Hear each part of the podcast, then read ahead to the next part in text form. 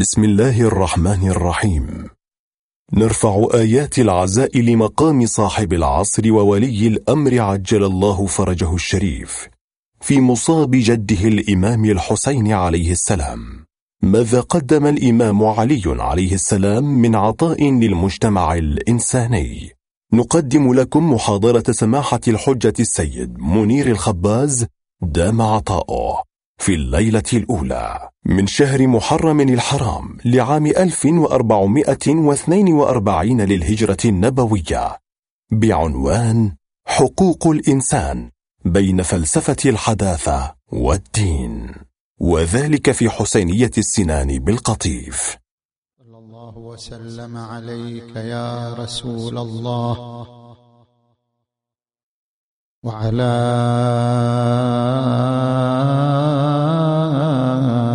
أهل بيتك المنتجبين يا ليتنا كنا معكم. فنفوز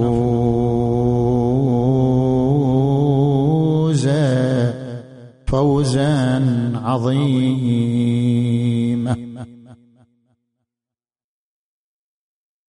أعوذ بالله من الشيطان الغوي الرجيم. بسم الله الرحمن الرحيم.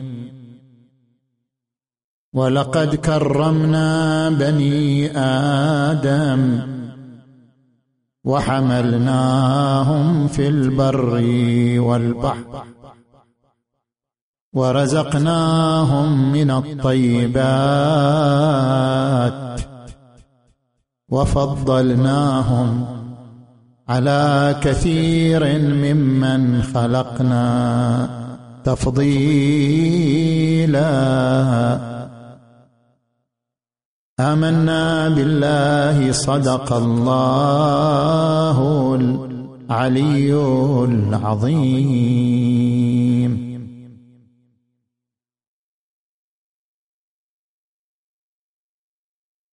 حديثنا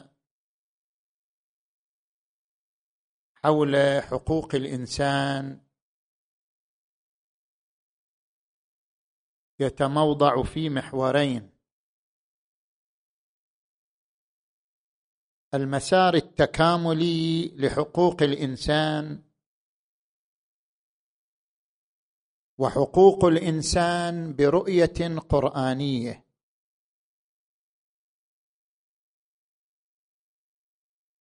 بالنسبة للمحور الأول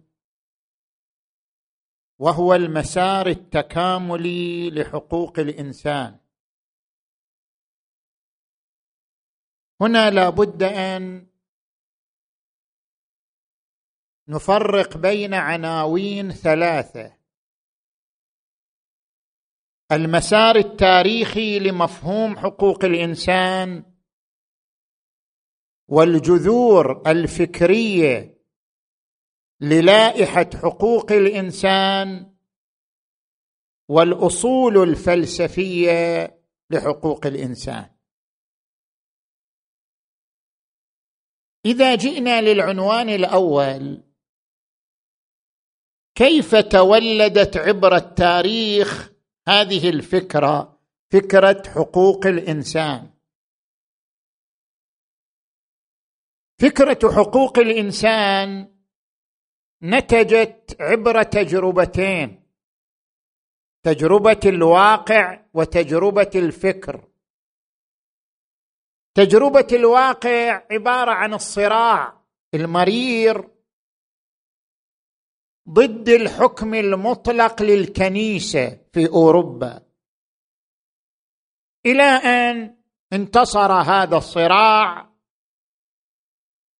وتحررت المجتمعات من حكم الكنيسة وتحررت الولايات المتحدة وأبرمت الوثيقة المشهورة فيما بينها في القرن السابع عشر. هذا صراع على الأرض صراع خارجي. أما تجربة الفكر فهناك دراسات واكبت هذا الصراع. منذ أيام الإغريق والرومان إلى أن جاء الإسلام دراسات كتبت مواكبه لهذا الصراع. إلى أن جاءت الحداثة ثم قادت فلسفة الأنوار مجموعة عبروا عنهم بفلسفة الأنوار قادت هذه المسيرة التكاملية نحو حقوق الإنسان وتوصلت إلى هذه المفردات المهمة التي اعتبرت البذرة لمفهوم حقوق الإنسان. ما هي هذه المفردات؟ هناك مفردات ثلاثة تعتبر البذرة لمفهوم حقوق الإنسان. الأولى أن المركزية للإنسان المحورية للإنسان. الإنسان له المحورية له المركزية في إدارة الحياة الاجتماعية. فهو الفاعل في التاريخ وهو الفاعل في الطبيعة وهو الفاعل في الفكر. فهو صاحب المركزية والمحورية منه واليه المفرده الثانية أن المعرفة أصلا المعرفة البشرية صار فيها تحول. تحولت المعرفة من معرفة تأملية قيمية إلى معرفة علمية أداتية تقنية. كيف يعني؟ يعني الآن الطبيعة التي نحن نعيش فيها كيف كانت تقرأ قبل قرون؟ وكيف تقرأ الآن الطبيعة؟ كانت الطبيعة تقرأ قراءة فلسفية روحية تأملية. تحولت القراءة للطبيعة إلى قراءة كمية. تعتمد الكم تعتمد المقدار الذي يمكن ضبطه. تحولت القراءة من قراءة فلسفية إلى قراءة كمية. حتى غاليليو هذا العالم الإيطالي قال إن الطبيعة كتبت بلغة الرياضيات. يعني قراءة الطبيعة أصبحت قراءة كمية عبر هذه المعادلات. المفرده الثالثه أن التاريخ أصبح بالمنظور الحداثي هو حقل تفاعل بين الأسباب الحتمية وبين السنن الاجتماعية وبين الفواعل الإرادية يعني حركة الإنسان في مسيرة التاريخ وهو ما يعبر عنه بالنزعة التاريخانية. اذا هذا هو عبارة عن المسار التاريخي لفكرة حقوق الإنسان. نجي الآن للعنوان الثاني. الجذور الفكرية لحقوق الإنسان. الجذور يعني المنطلقات يعني الآن اللائحة العالمية التي أبرمتها الأمم المتحدة لحقوق الإنسان اعتمدت على منطلقات. الجذور هي عبارة عن المنطلقات التي انطلقت منها اللائحة العالمية لحقوق الإنسان.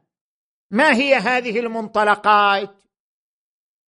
المنطلق الأول أن الإنسان مستقل عن الوجود الاجتماعي. لويس ديمون هذا أيضا من المنظرين في هذا المجال قال كانت النظرية السائدة هي النظرية الكليانية يعني أن القيمة للمجتمع وليس للفرد. القيمة للكل لا للجزء القيمة للجسم الاجتماعي لا للإنسان الفرد. الإنسان الفرد مجرد أداة لخدمة المجتمع. تحولت هذه النظرية اللي كانت سائدة بعد الحداثة إلى نظرية أخرى. أن القيمة للفرد القيمة للإنسان الفرد.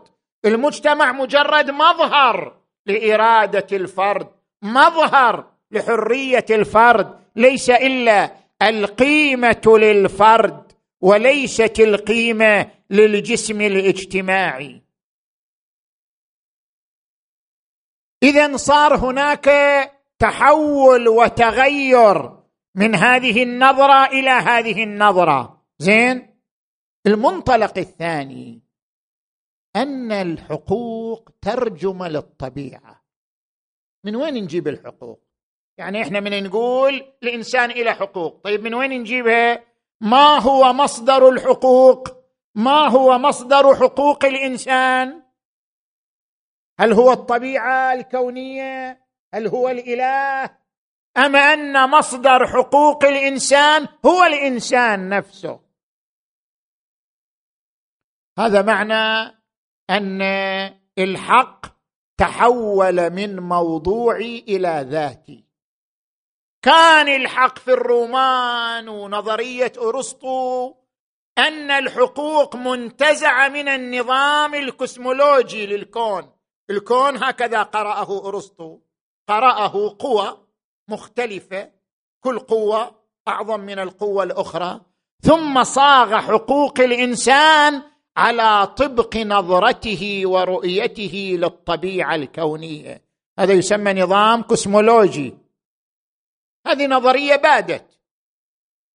النظرية الأخرى أن مصدر الحقوق هو الإله إله الكنيسة. هو الذي شرع الحقوق وهو الذي قننها. الحداثة جاءت بنظرية ثالثة. لا أن مصدر الحقوق هو الطبيعة الكونية لا أن مصدر الحقوق هو الإله مصدر الحقوق هو الإنسان نفسه. يعني أن الحقوق ترجمه للإنسان بما هو إنسان.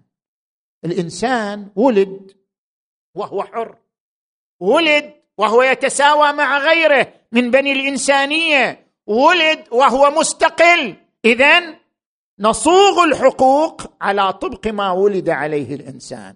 اذا الإنسان له حق الحياة له حق الحرية له حق الأمن له حق المساواة له حق الاستقلال لأنه ولد وهو بهذه الصفات فصفاته هي حقوقه. هذا معنى تحول الحق من حق موضوعي إلى حق ذاتي ينطلق من طبيعة الإنسان. والمنطلق الثالث أن هذه الحقوق كانت دراسات ومبعثرة بعدين صارت قانون.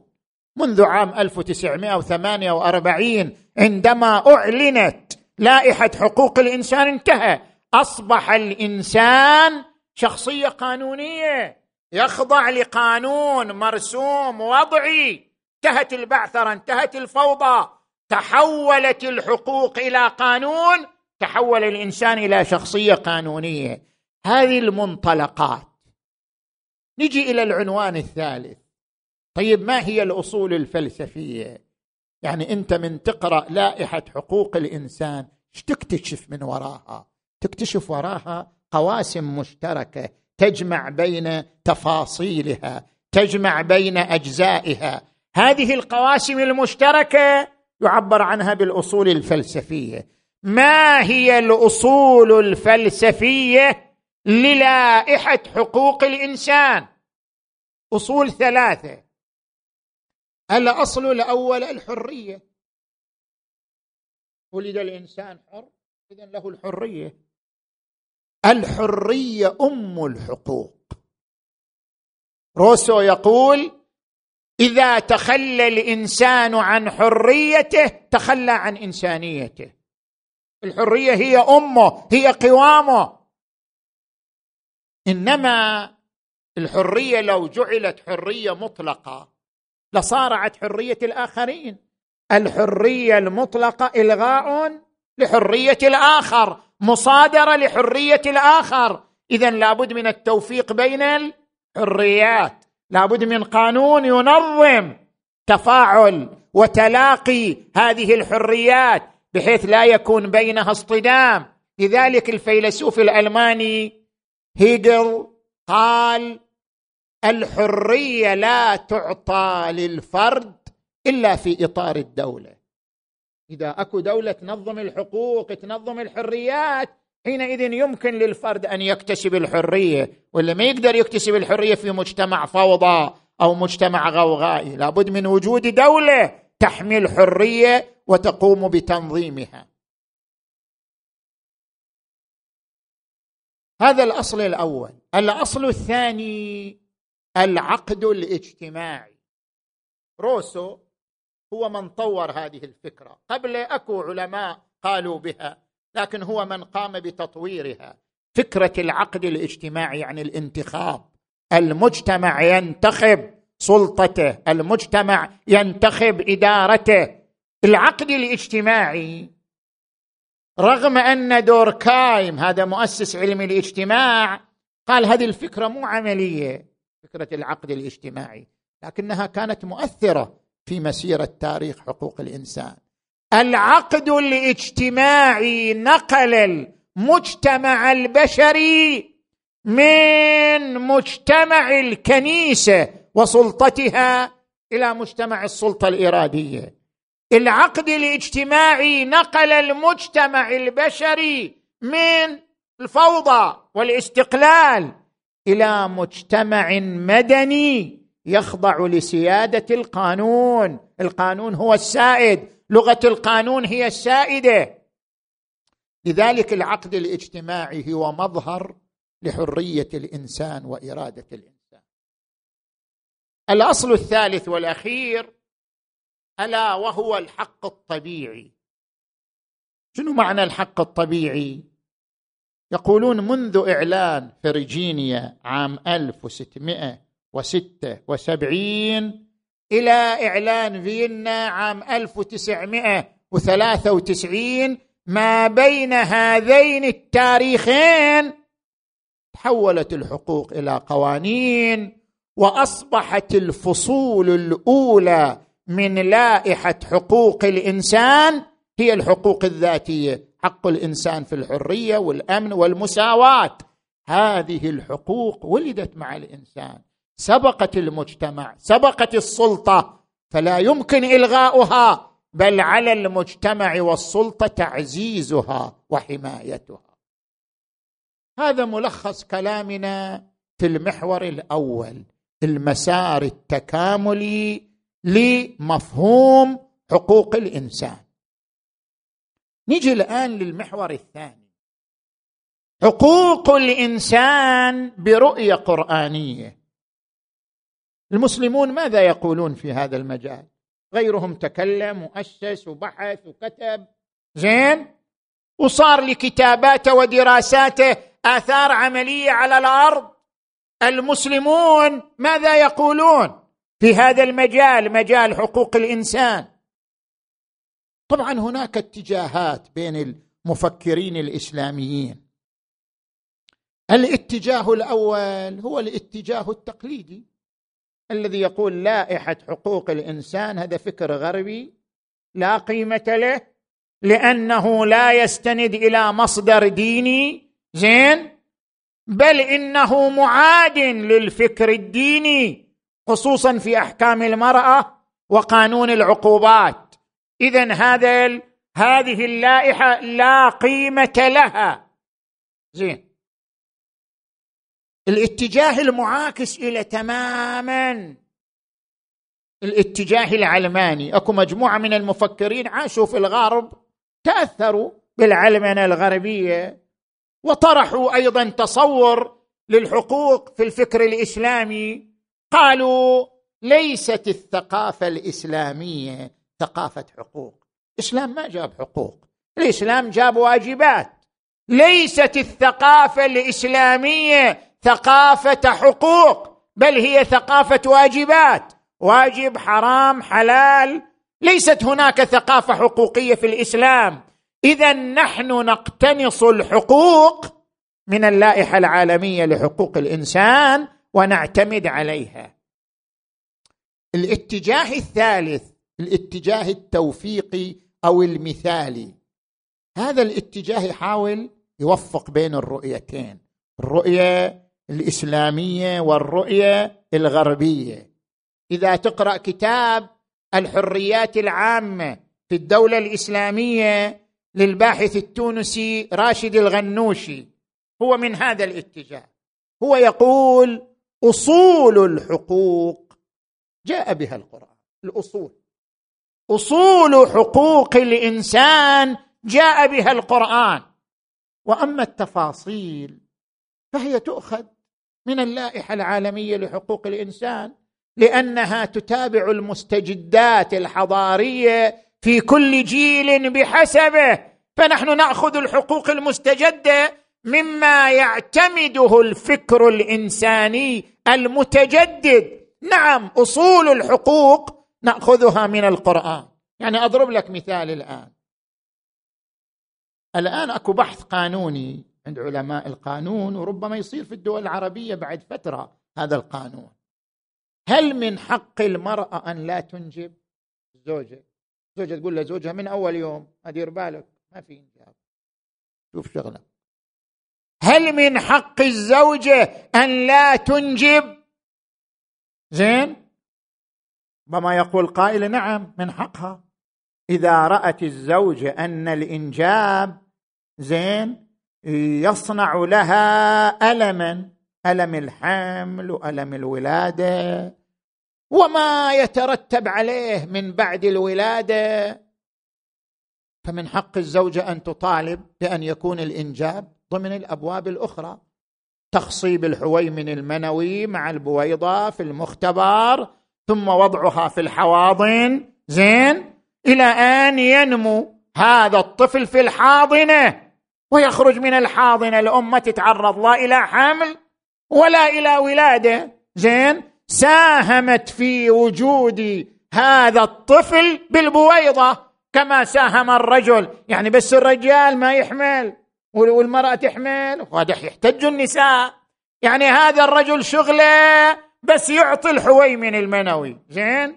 والحمل والولادة والإرضاع والتربية كل على من؟ كاهل هذه المسكينة. زين؟ فهذه المرأة المسكينة تقول مثل ما هو مو دوره فقط إلا حويمن هو دور المرأة مجرد بويضة ويتم التخصيب في المختبر ويتم نمو هذا الطفل وولادته. عبر شلون؟ عبر الحواضن. وانتهت المشكلة. من حقها أن لا تنجب ولا تتحمل أي ألم. زين؟ اذا هذا حق مستجد قد تفرضه الظروف. الحضارية التي تمر بالإنسان. الاتجاه الرابع هو اتجاه فلسفي.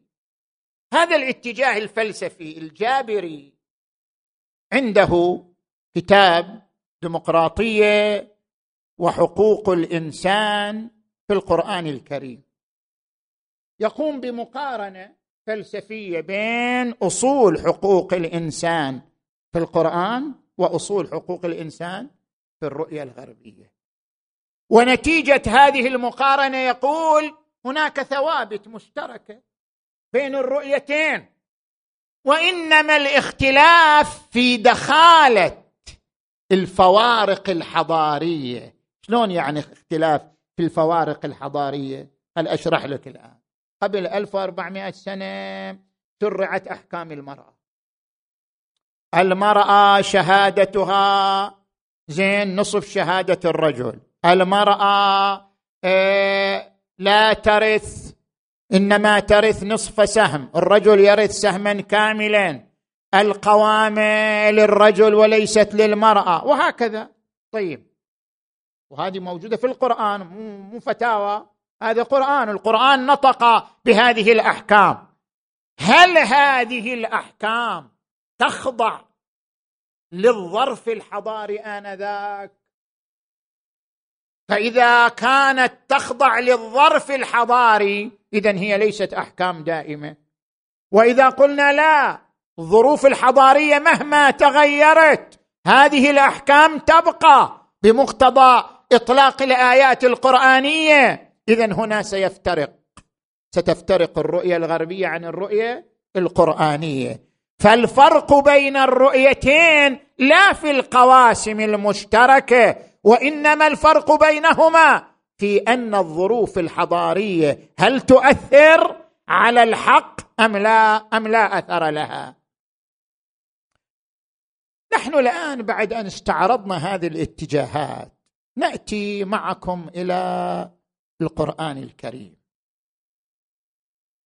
ونتساءل هل أن هناك فرقا جوهريا بين الرؤية القرآنية لحقوق الإنسان وبين الرؤية الغربية لحقوق الإنسان؟ ما نريد ندخل في التفاصيل نروح إلى الأسس الأصول. أنت عندما تبحث بين فلسفتين لابد أن تذهب إلى الأصول ما تروح إلى التفاصيل. التفاصيل مجرد تعبير. إذا أردت أن تتبين الفرق الجذري بين الفلسفتين الفلسفه القرآنية والفلسفة الغربية كلاهما ما هي الفوارق الجوهرية في الأسس بين الفلسفتين؟ من خلالها يتبين الفرق بين حقوق الإنسان برؤية غربية أو حقوق الإنسان برؤية قرآنية. نجي نقول نعم أكو فوارق جوهرية. ماكو شاره يعني ما يمكن التعامي عنها ما يمكن التغاضي عنها. هناك فوارق جوهرية في الأصول والأسس. لماذا؟ هناك ثلاث ركائز أساسية تبتني عليها فلسفة حقوق الإنسان. ولا بد أن نبحث هذه الركائز الثلاث. نجي إلى الركيزة الأولى. لمن الأصالة في الوجود؟ هل الأصالة للإنسان أو الأصالة لله هي المفردة الأولى التي وصلت إليها الحداثة أن الأصالة للإنسان المركزية للإنسان المحورية للإنسان. منه وإليه. أنت الآن كمسلم إنسان تدين بالقرآن. زين؟ ما هي الأصالة في القرآن؟ لمن؟ هل الأصالة للإنسان أو الأصالة لله؟ طبيعي الأصالة في الوجود لله. الله هو الأصل في الوجود بمقتضى الإيمان بخالقيته. ذلكم الله ربكم خالق كل شيء. وما لي لا أعبد الذي فطرني وإليه ترجعون. أيضا الاصاله في الوجود لقدرته. تبارك وتعالى نافذ القدرة. قل اللهم مالك الملك تؤتي الملك من تشاء وتنزع الملك ممن تشاء وتعز من تشاء وتذل من تشاء. بيدك الخير إنك على كل شيء قدير. الاصاله في الوجود لله. الأصالة في القدرة لله الأصالة في الحياة الاجتماعية لمن؟ من يدير الحياة الاجتماعية؟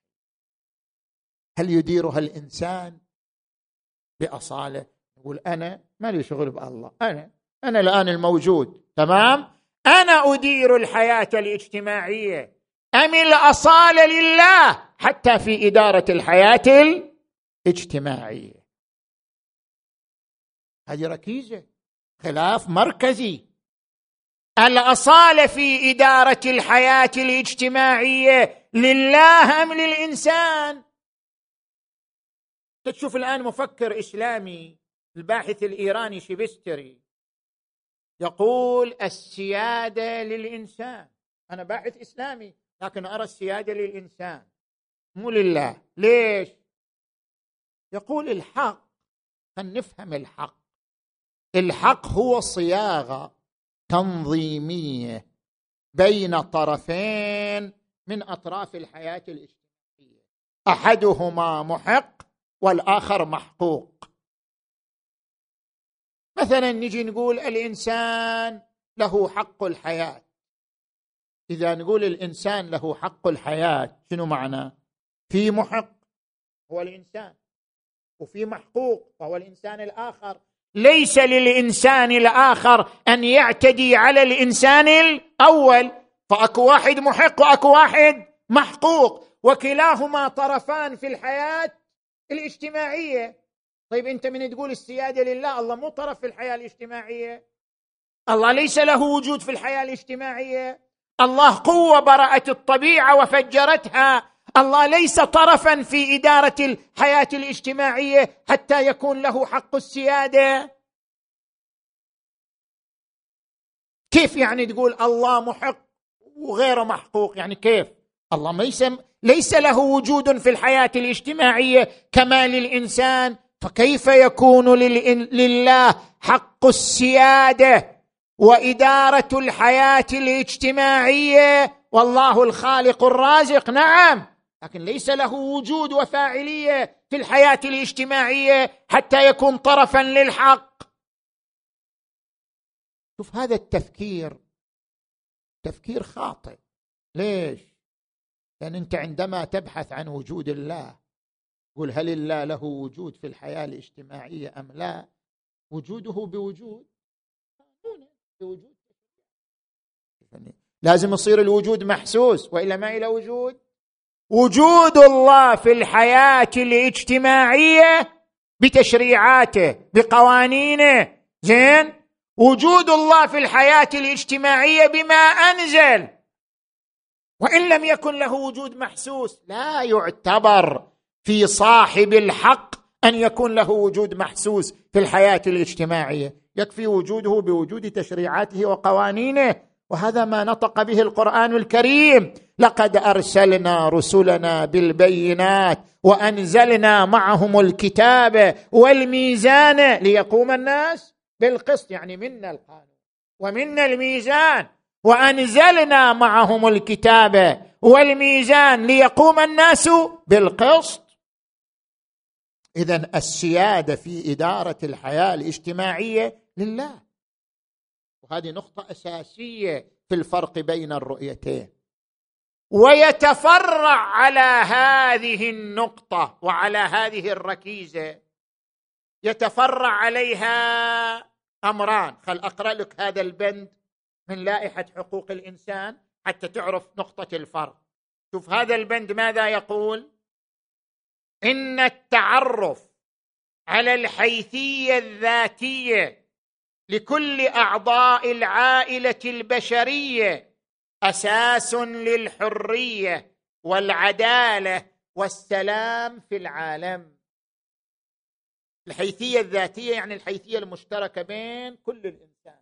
هي أساس للحرية والعدل والسلام. ما هي الحيثية المشتركة بين كل الإنسان؟ العقل الإرادة الرغبة. هذه هي الحيثية الذاتية المشتركة بين بني الإنسان وهي أساس الحرية والعدل والسلام في العالم. طيب القرآن يقول لا أكو نزعات أصيلة في الإنسان. أنتم ما ذكرتوها. لا تختص النزعات الأصيلة التي تتكون منها شخصية الإنسان بالحرية والإرادة والعقل بل هناك نزعات أصيلة في شخصية الإنسان تحتاج إلى تربية تحتاج إلى تعليم. مثل شنو؟ النزعه القيمية والنزعه الروحية.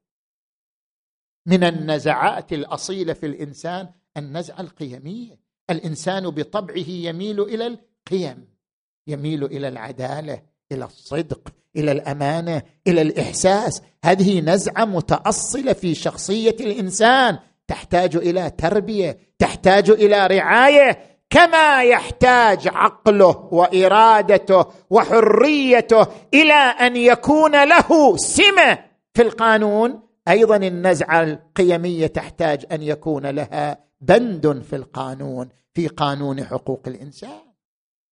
ونفس وما سواها فألهمها فجورها وتقواها. والكاظمين الغيظ والعافين عن الناس والله يحب المحسنين. الأمر الثاني هو النزعه الروحيه القرآن يقول كل إنسان طبعا هذا باجي بتعرض إلى في الليلة التاسعة ليله عندما أو الليلة الثامنة عندما أتحدث عن العبادة. العبادة نزعة أصيلة في الإنسان. العلم يثبت ذلك. هناك نزعة أصيلة لدى الإنسان وهي نزعته نحو الكمال المطلق نحو الجمال المطلق نحو المدد المطلق. هذه النزعة الروحية تحتاج إلى تربية تحتاج إلى رعاية أن تعطى فرصة في لائحة حقوق الإنسان لا انها تهمل كأنها ليست نزعة دخيلة في تأصيل شخصية الإنسان. فأقم وجهك للدين حنيفا. فطرة الله التي فطر الناس عليها. لا تبديل لخلق الله. زين هذه الركيزة الأولى. الركيزة الثانية. في الوجود الاجتماعي هل الأولوية للفرد أم للمجتمع؟ قرأنا كلمات المفكرين الغربيين. قال لك لا إحنا وصلنا الآن إلى أن الأولوية لمن؟ للفرد. مجتمع مجرد مظهر. نحن كمسلمين نقتنص من القرآن مفاهيمنا. الأولوية في القرآن لمن؟ هل الأولوية للفرد أم الأولوية للمجتمع للوجود الاجتماعي؟ هذه نقطة أساسية. نحن نقول نستفيد من القرآن الكريم أن الإنسان لديه كلتا شنو؟ النزعتين. النزعة الذاتية وهي غريزة حب الذات. إن الإنسان ليطغى أن رآه. استغنى. خلق الإنسان من عجل. دائما يحرص على لذاته دائما يحرص على غريزته. إن الإنسان خلق هلوعا. إذا مسه الشر جزوعا وإذا مسه الخير منوعا لغريزة حب الذات. هذه نزعة ذاتية موجودة في الإنسان وأيضا لديه نزعة اجتماعية. كل إنسان يميل إلى المجتمع كل إنسان يميل إلى التعرف. كل إنسان يميل إلى التعاون. القرآن الكريم يشير إلى هذه النزعة الاجتماعية. يا أيها الناس إنا خلقناكم من ذكر وأنثى وجعلناكم شعوبا وقبائل لتعارفوا. وقال وتعاونوا على البر والتقوى ولا تعاونوا على الإثم والعدوان. اذا عندنا نزعة فردية وعندنا نزعة اجتماعية. لا يمكن بناء هيكلية لحقوق الإنسان إلا بمراعاة هاتين النزعتين. وهذا فرق أساسي بين الرؤية الغربية والرؤية القرآنية. لذلك أنا الآن أذكر لك أربعة حقوق لم تنص عليها لائحة حقوق الإنسان ونص عليها الإسلام. انطلاقا من وجود نزعة أصيلة في شخصية الإنسان ألا وهي النزعة الاجتماعية. الحق الأول أن التكافل الاجتماعي شركة. شلون يعني شركة؟ يعني الآن أنت من تقرأ المجتمع الأمريكي. ترى المجتمع الأمريكي متدين أكثر من المجتمع الأوروبي. عنده أصول دينية ما زالت مسيطرة ما زالت مؤثرة. المجتمع الأمريكي فيه آلاف الجمعيات الخيرية ربما أضعاف ما عند المسلمين من جمعيات. زين؟ آلاف الجمعيات الخيرية. طيب واحد يجي يقرأ المجتمع الأمريكي يقول لك الله هذا مجتمع خوش مجتمع وقاعد يتكافل بعضه ببعض يعني مبدأ التكافل الاجتماعي مبدأ منتشر في المجتمع الأمريكي. شنو ميزة الإسلام؟ شنو ميزة القرآن في هذا المجال؟ الميزة هل أشرح لك؟ التكافل الاجتماعي في الرؤية الغربية هو عطاء إنساني تفضل. يعني أنت من تعطي الفقير أنت متفضل عليه. بينما التكافل الاجتماعي في القرآن شنو؟ عقد شركه يعني الفقير شريك وياك. مو انت جاي متفضل عليه. مو انت عندما تعطي الفقير سهما من أموالك فأنت متفضل متكرم خوش إنسان كريم. لا. الفقير شريك معك في الثروة. شريك معك في الأموال شريك معك في الأموال والأملاك. هو شريك القرآن يقول وفي أموالهم حق معلوم. للسائل والمحروم شريك وياك جزء من ثروتك هو له مو إلك أنت. أنت قاعد تسلم شريكك حقه. هذا مو تفضل هذه شركة. ولذلك طبعا هذا حقوق الإنسان مو بس الليلة القادمه ما استوعبت شيء. لأن أنا الآن قاعد أتعرض لحقوق الإنسان برؤية قرآنية. أما حقوق الإنسان برؤية علوية تنطلق من أمير المؤمنين. عليه السلام هذا سأتعرض له الليلة القادمة بشكل مفصل. زين؟ شوف الإمام أمير المؤمنين ينص على الشرك في الثروة. ما جاع فقير إلا بما متع به غني. ويقول أمير المؤمنين ما رأيت نعمة موفورة إلا وإلى جانبها حق مضيع. ثروة مشتركة. زين هذا الحق الأول. الحق الثاني من الحقوق الاجتماعية. حق الأرحام. ما موجود في لائحة حقوق الإنسان أن للأرحام حقا. الإسلام يقول لا الرحم إلى حق. الإسلام يرى شوف الإسلام يدعو إلى الحضارة مثل ما الغرب يدعو إلى الحضارة. القرآن أيضا يقول هو أنشأكم من الأرض واستعمركم فيها. استعمركم يعني طلب منكم إعمار الأرض.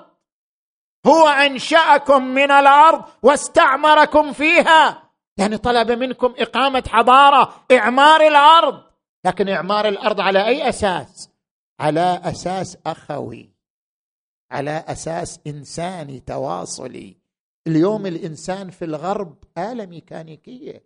يكدح ليل نهار في بناء الحضارة. بس ما في تواصل اجتماعي. ما في ترابط اجتماعي. القرآن يدعو لإقامة حضارة. لكن على أساس أخوي إنما المؤمنون إخوة على أساس تواصل بشري عندما يقول لتعارفوا.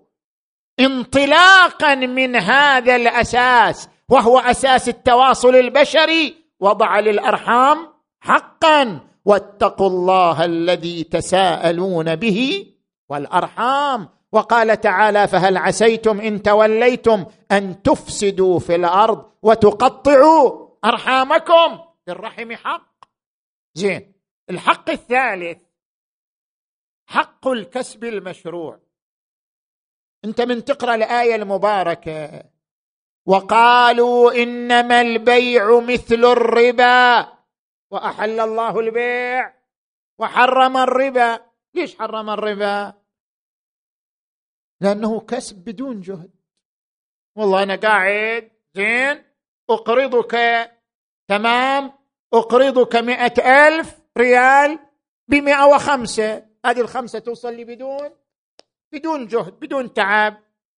هذا كسب بدون تعب. كسب بدون تعب يمنعه الإسلام. من حق المجتمع أن لا تكتسب ثرواته إلا بجهد وتعب كي لا يكون دولة بين الأغنياء. فإذا هذه حقوق اجتماعية ما نصت عليها لائحة الحقوق العالمية نص عليها القرآن انطلاقا انطلاقا من رؤيته أن النزعه الاجتماعيه نزعة أصيلة في بناء الإنسان. فلا بد من بناء هيكلية الحقوق على هذه النزعة. نجي إلى الركيزة الثالثة والأخيرة. الركيزة الثالثة من ركائز الفرق بين الرؤيتين الرؤيه القرآنية والرؤية الغربية. مسألة الحرية والكرامة. ذكرنا أن الرؤية الغربية ترى الحرية شنو؟ أم الحقوق. الحرية هدف مركزي. الحرية منصب حقوقي. الحرية لابد أن تنال. هكذا الرؤية الغربية ترى الحرية. القران ماذا يرى الحرية؟ القران لا يرى الهدف المركزي والمحوري للكرامة وليس للحرية. شنو الفرق بين الكرامة وبين الحرية؟ الآن أشرح لك بعدة بنود هذا الفرق. بند الأول. القرآن الكريم عندما يقول ولقد كرمنا بني آدم. مقتضى إطلاق هذه المادة كما يقول علماء الأصول مقتضى إطلاق هذه المادة شمولها للكرامة التكوينية والكرامة التشريعية. يعني كما أعطي الانسان كرامة تكوينية عقل وإرادة وحرية هذه كلها كرامة تكوينية. أعطي أيضا كرامة تشريعية قانونية. يعني أن للإنسان حرمة في أمواله حرمة في دمه حرمة في عرضه حرمة في سمعته. لا يجوز الاعتداء لا على ماله ولا دمه ولا عرضه ولا سمعته. هذه حرمة تشريعية. هذه هي الكرامة. طيب شنو الفرق بين هالآية وبين إن أكرمكم عند الله أتقاكم. وقاعد يقول إن أكرمكم عند الله أتقاكم يعني الغير المتقي فلس ما يسوى؟ ما إلى أي كرامة؟ هنا يقول ولقد كرمنا بني آدم. هنا يقول لا إن أكرمكم عند الله أتقاكم. شنو الفرق بين الكرامتين؟ انتبه لي جيدا. فرق بين الكرامة القانونية والكرامة الجزائية. تارة الكرامة تصير جزاء للإنسان وتارة الكرامة قانون شرعته السماء للإنسان. الكرامة الجزائية هي الكرامة المترتبة على التقوى. إن أكرمكم إذا تريد الكرامة الجزائية الكرامة الأخروية ترى هي مترتبة على التقوى. إن أكرمكم عند الله أتقاكم. هذه كرامة جزائية كرامة منوطة بالعمل. أما الكرامة القانونية يعني الحرمة الدم والعرض والمال فهي لكل إنسان. حباها الله. ولقد كرمنا بني آدم. ما دام إنسان مسالم اذا له الكرامة يعني له الحرمة في دمه وعرضه وماله. هذه نسميها كرامة قانونية. زين؟ هذا البند الأول. البند الثاني.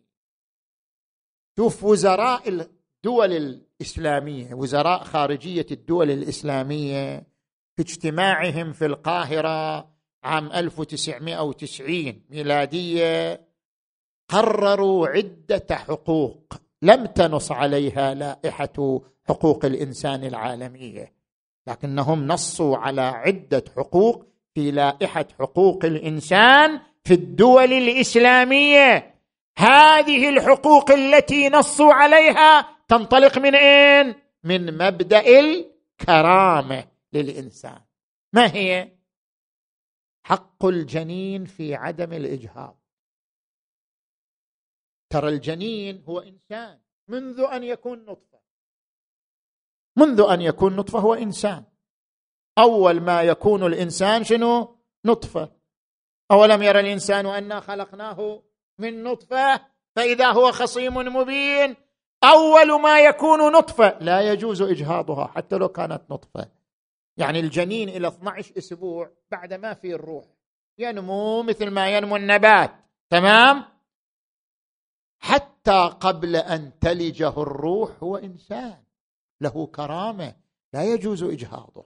إذا يجهضه تجهضه الأم أو يجهده الطبيب يدفع دية لوالده. ديه لإجهاضه لقتله. هذا حق. حق يترتب على كرامة الإنسان. الحق الثاني حق الإنسان حتى بعد موته. شوف الإنسان بعد موته. يقول لك هذا مات صار جثة بعد ما إلى قيمة لا شو ما إلى قيمة. إذا اللائحة العالمية ما نصت الإسلام ينص إن ورد عن الرسول محمد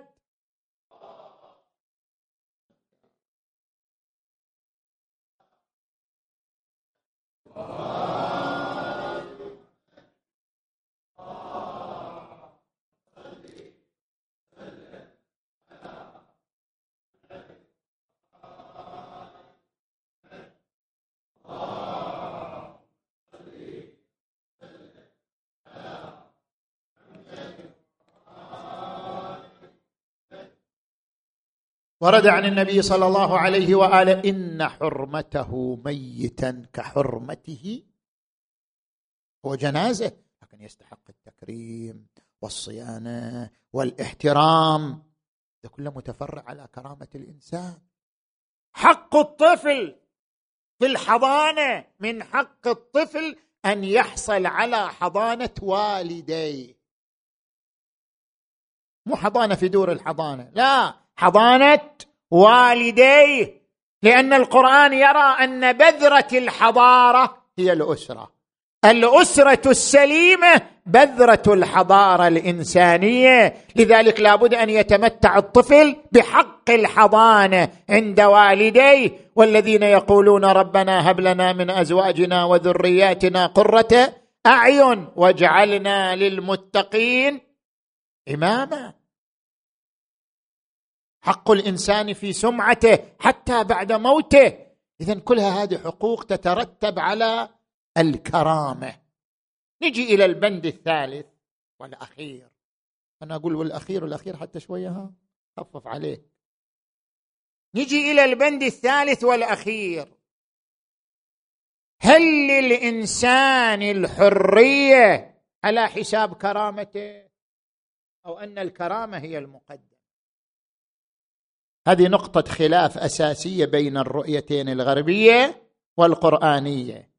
الرؤية القرآنية تقول ترى الحرية مو هدف الحرية شنو؟ وسيلة.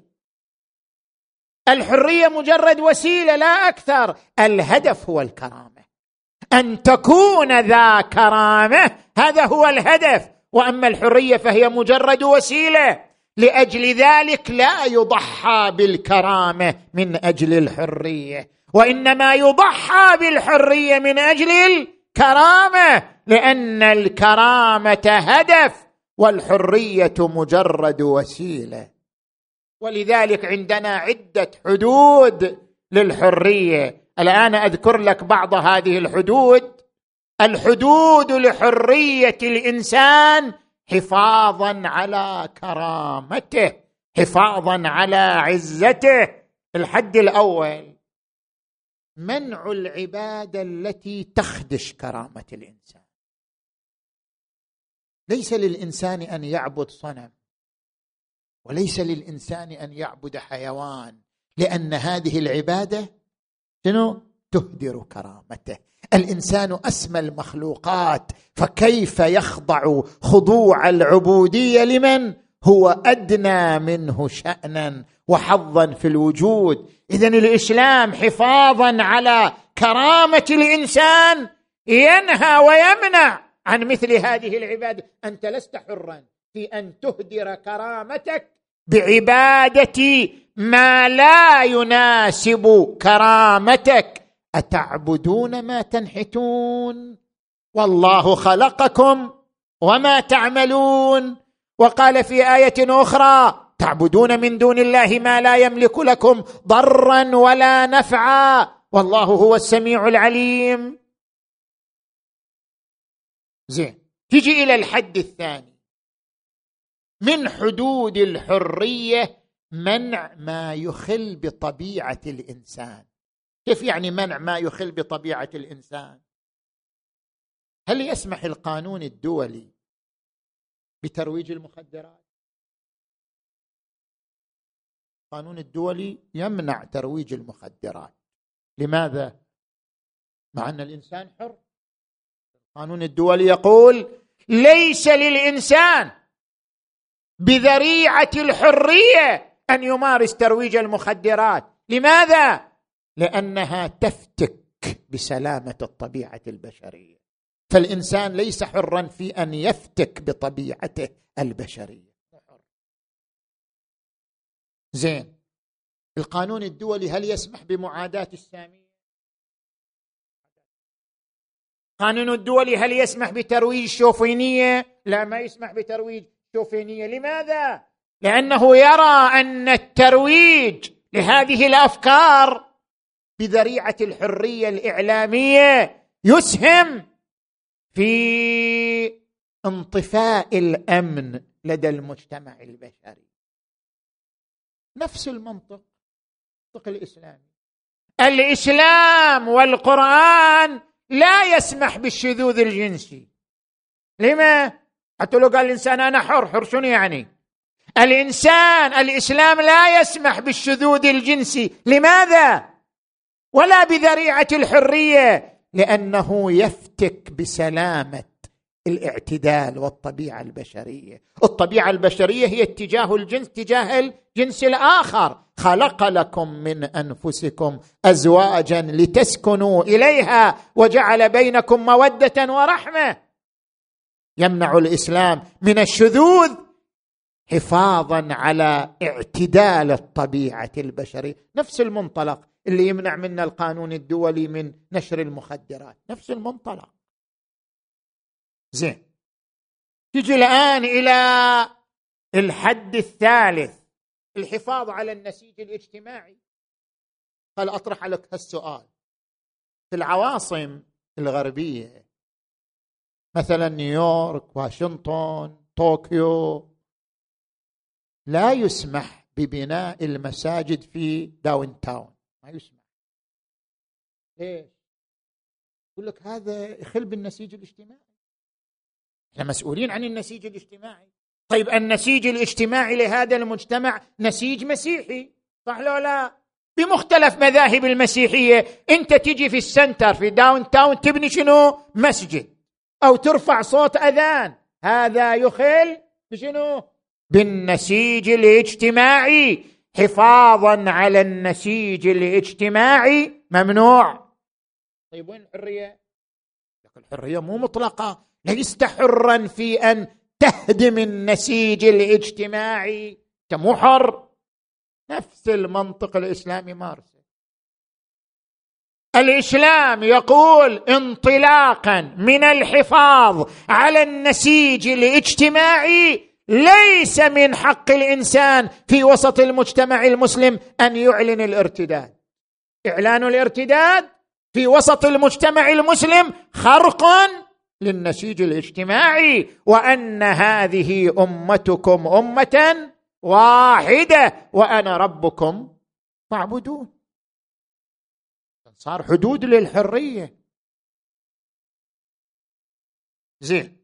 أو مثلا ثقافة المجون. واحد يروج ثقافة المجون. ومن الناس من يشتري لهو الحديث ليضل عن سبيل الله ويتخذها هزوا. أولئك لهم عذاب مهين. الحد الرابع الحفاظ على المصالح العامة. هل أضرب لك مثال؟ حي قريب هالايام صاير ما نحتاج إلى مثال قديم. شركة فيسبوك أزالت من منصتها بعض المحتويات التي تتضمن أنشطة تهتك سياسة التباعد الاجتماعي. وأزالت من منصتها دعوات لتنظيم احتجاجات مناهضة للحجر الصحي في كاليفورنيا. وهذا أثار غضب. هذه منصة تواصل. ليش تحذف هذه المحتويات؟ ليش؟ يعني تواجه الحرية الإعلامية. ليش؟ هذه أثارت غضب. حتى ابن الرئيس نجل الرئيس الامريكي ترامب ممن احتج. قال هذا يتنافى مع حرية التعبير. بس هي الشركة تستند إلى بند قانوني. الشركة استعانت بحكومات محلية. قالت حذف هذه المحتويات من منصات فيسبوك. هو ضرورة. لماذا؟ للحفاظ على سلامة البيئة وصحة البيئة.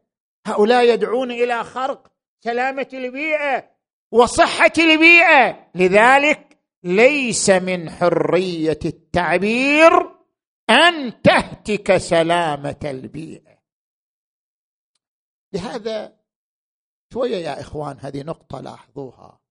يعني إحنا الآن نعيش ظروف ظروف صحية خانقة. ينبغي التقيد التام. هذا يأمر به العقل ويأمر به الشرع. التحفظ التام. التحفظ التام على الاحترازات. زين والشروط الصحية الوقائية. الإنسان ترى من النعم أن الإنسان يعيش في دولة مسيطرة. إذا أنت تعيش في دولة مسيطرة قوية تفرض النظام تحافظ على صحة البيئة سلامة البيئة تحمي الحقوق. هذه نعمة يعيشها الإنسان. عندما تجد تعاون بين الوزارات ومنها وزارة الصحة وتجد هذه الجهود الجبارة من أبنائنا وبناتنا أطباء وطبيبات ممرضين ممرضات موظفين موظفات حتى الموظفين في الطب البيطري حتى في مناطق أخرى ومواطن أخرى يعملون ليلا نهارا على بروح تعاونية خلاقة صادقة. من أجل سلامة البيئة من أجل صحة البيئة من أجل صحة الإنسان سلامة الإنسان. هذا شيء ضروري. الحد الأخير من حدود الحرية أن تحافظ على كرامتك وعزتك. شوف لاحظ. ما ورد في القرآن الكريم ولا تصعر خدك. مو بذريعة الحرية أنت تقتل كرامتك وتقتل عزتك. ولا تصعر خدك للناس ولا تمشي في الأرض مرحا. الرسول الأعظم صلى الله عليه وآله يقول إن الله فوض إلى المؤمن كل شيء ولم يفوض إليه أن يذل نفسه. ليس من حقك أن تذل نفسك. بذريعة التواضع وبذريعة الحرية. لا لا أنت مو حر في ان تذل نفسك. الإذلال يتنافى مع كرامتك التي منحك الله إياها. ليس من حقك إذلال نفسك. ليس من حقك خدش كرامتك. لأجل ذلك هذا المنطلق منطلق العزه منطلق الكرامة منطلق الإباء هو المنطلق الذي مشى عليه أئمتنا. مشى عليه نجوم ديننا وشموس مسيرتنا. مشوا على منطق الكرامة منطق العزة. الإمام أمير المؤمنين علي عليه السلام عندما يقول لأصحابه عندما استولى الجيش الأموي على الفرات ومنعوا جيش الإمام علي من الماء حركهم نحو السيطرة على الماء. قال إن الموت في حياتكم مقهورين وإن الحياة في موتكم قاهرين. حافظوا على عزتكم وكرامتكم. ومن هذا المنطلق انطلق الحسين بن علي. انطلق سيد الشهداء. انطلق من منطلق العزة والكرامة. والله لا أعطيكم بيدي إعطاء الذليل ولا أقر إقرار العبيد. وقال ألا وإن الدعي ابن الدعي قد ركز بين اثنتين بين السلة والذلة. وهيهات منا الذلة يأبى الله لنا ذلك ورسوله والمؤمنون. وجذور طابت وحجور طهرت. وأنوف حمية ونفوس أبية أن تؤثر طاعة اللئام على مصارع الكرام. ألا وإني زاحف بهذه الأسرة مع قلة العدد. وخذلان الناصر وأضرمها لعنان السماء حمراء تلفح أعنانها فما أجلت الحرب عن مثله صريعا يجبن شجعانها عفيرا. إذا عاينته الكمات يختطف الرعب ألوانها. فكان ما طبق الأدوار قاطبة من يومه للتلاقي مأتما وبكى ولم يغادر جمادا لا لا ولا ولا بشرا. إلا بكاه ولا جنا ولا ملكا. أي المحاجر يا أبا عبد الله؟ أي المحاجر لا تبكي عليك دما؟ أبكيت والله حتى محجر الحجر. هذه الأيام أيامك هذه الأيام أيام فاجعتك أيام مصيبتك. يا ابن النبي المصطفى ووصيه واخ الزكي وابن البتول الزاكية. تبكيك عيني لا لأجل مثوبة لكنما عيني لأجلك باكيا يا يا يا. تبتل منكم كربلاء بدم. ولا تبتل مني بالدموع. الجار يا يا يا يا أبا عبد الله لمن عزاؤنا هذه الأيام؟ لمن أجرنا هذه الأيام؟ نتجه إلى صاحبة ذلك القبر في المدينة المنورة هي المعزات هي صاحبة المصيبة هي الأم المفجوعة نتوجه إليها. يا راكبا إن جئت طائبة مقبلا فعرج على يا يا مكسورة ضلع معولة. وحدث بما يا يا مضى الفؤاد مفصلا. شي يقول أفاطمة لا خلت الحسين. وقد عايا يا بشايا يا طفراتي بعد قضى ضاميا ماذا قليل ماء برده رهين رمايال تصهر الشمس خده. أفاطم لا يوما من عنده. إذن إذن لا لطايا. مثل خد فا. وأجريت دايا مع العين بيل. ويا يا لدهر رماني بالرزايا بكل غاية شتت أولادي عن يمين وعن شمال. أنا ما أشوف ساعة من الدهار مرتاح با وعظام علي لا نعن ناعي على.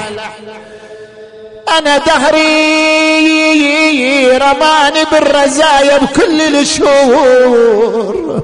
ونساني ضلع اللي بجنب الباب مكسور. واعظم على قلبي فجيعة يوم عاشور. كل البكا والنوح والصيحة على ويلي أنا الوالدة والقلب لهفان لهفاين وادور عزبني وين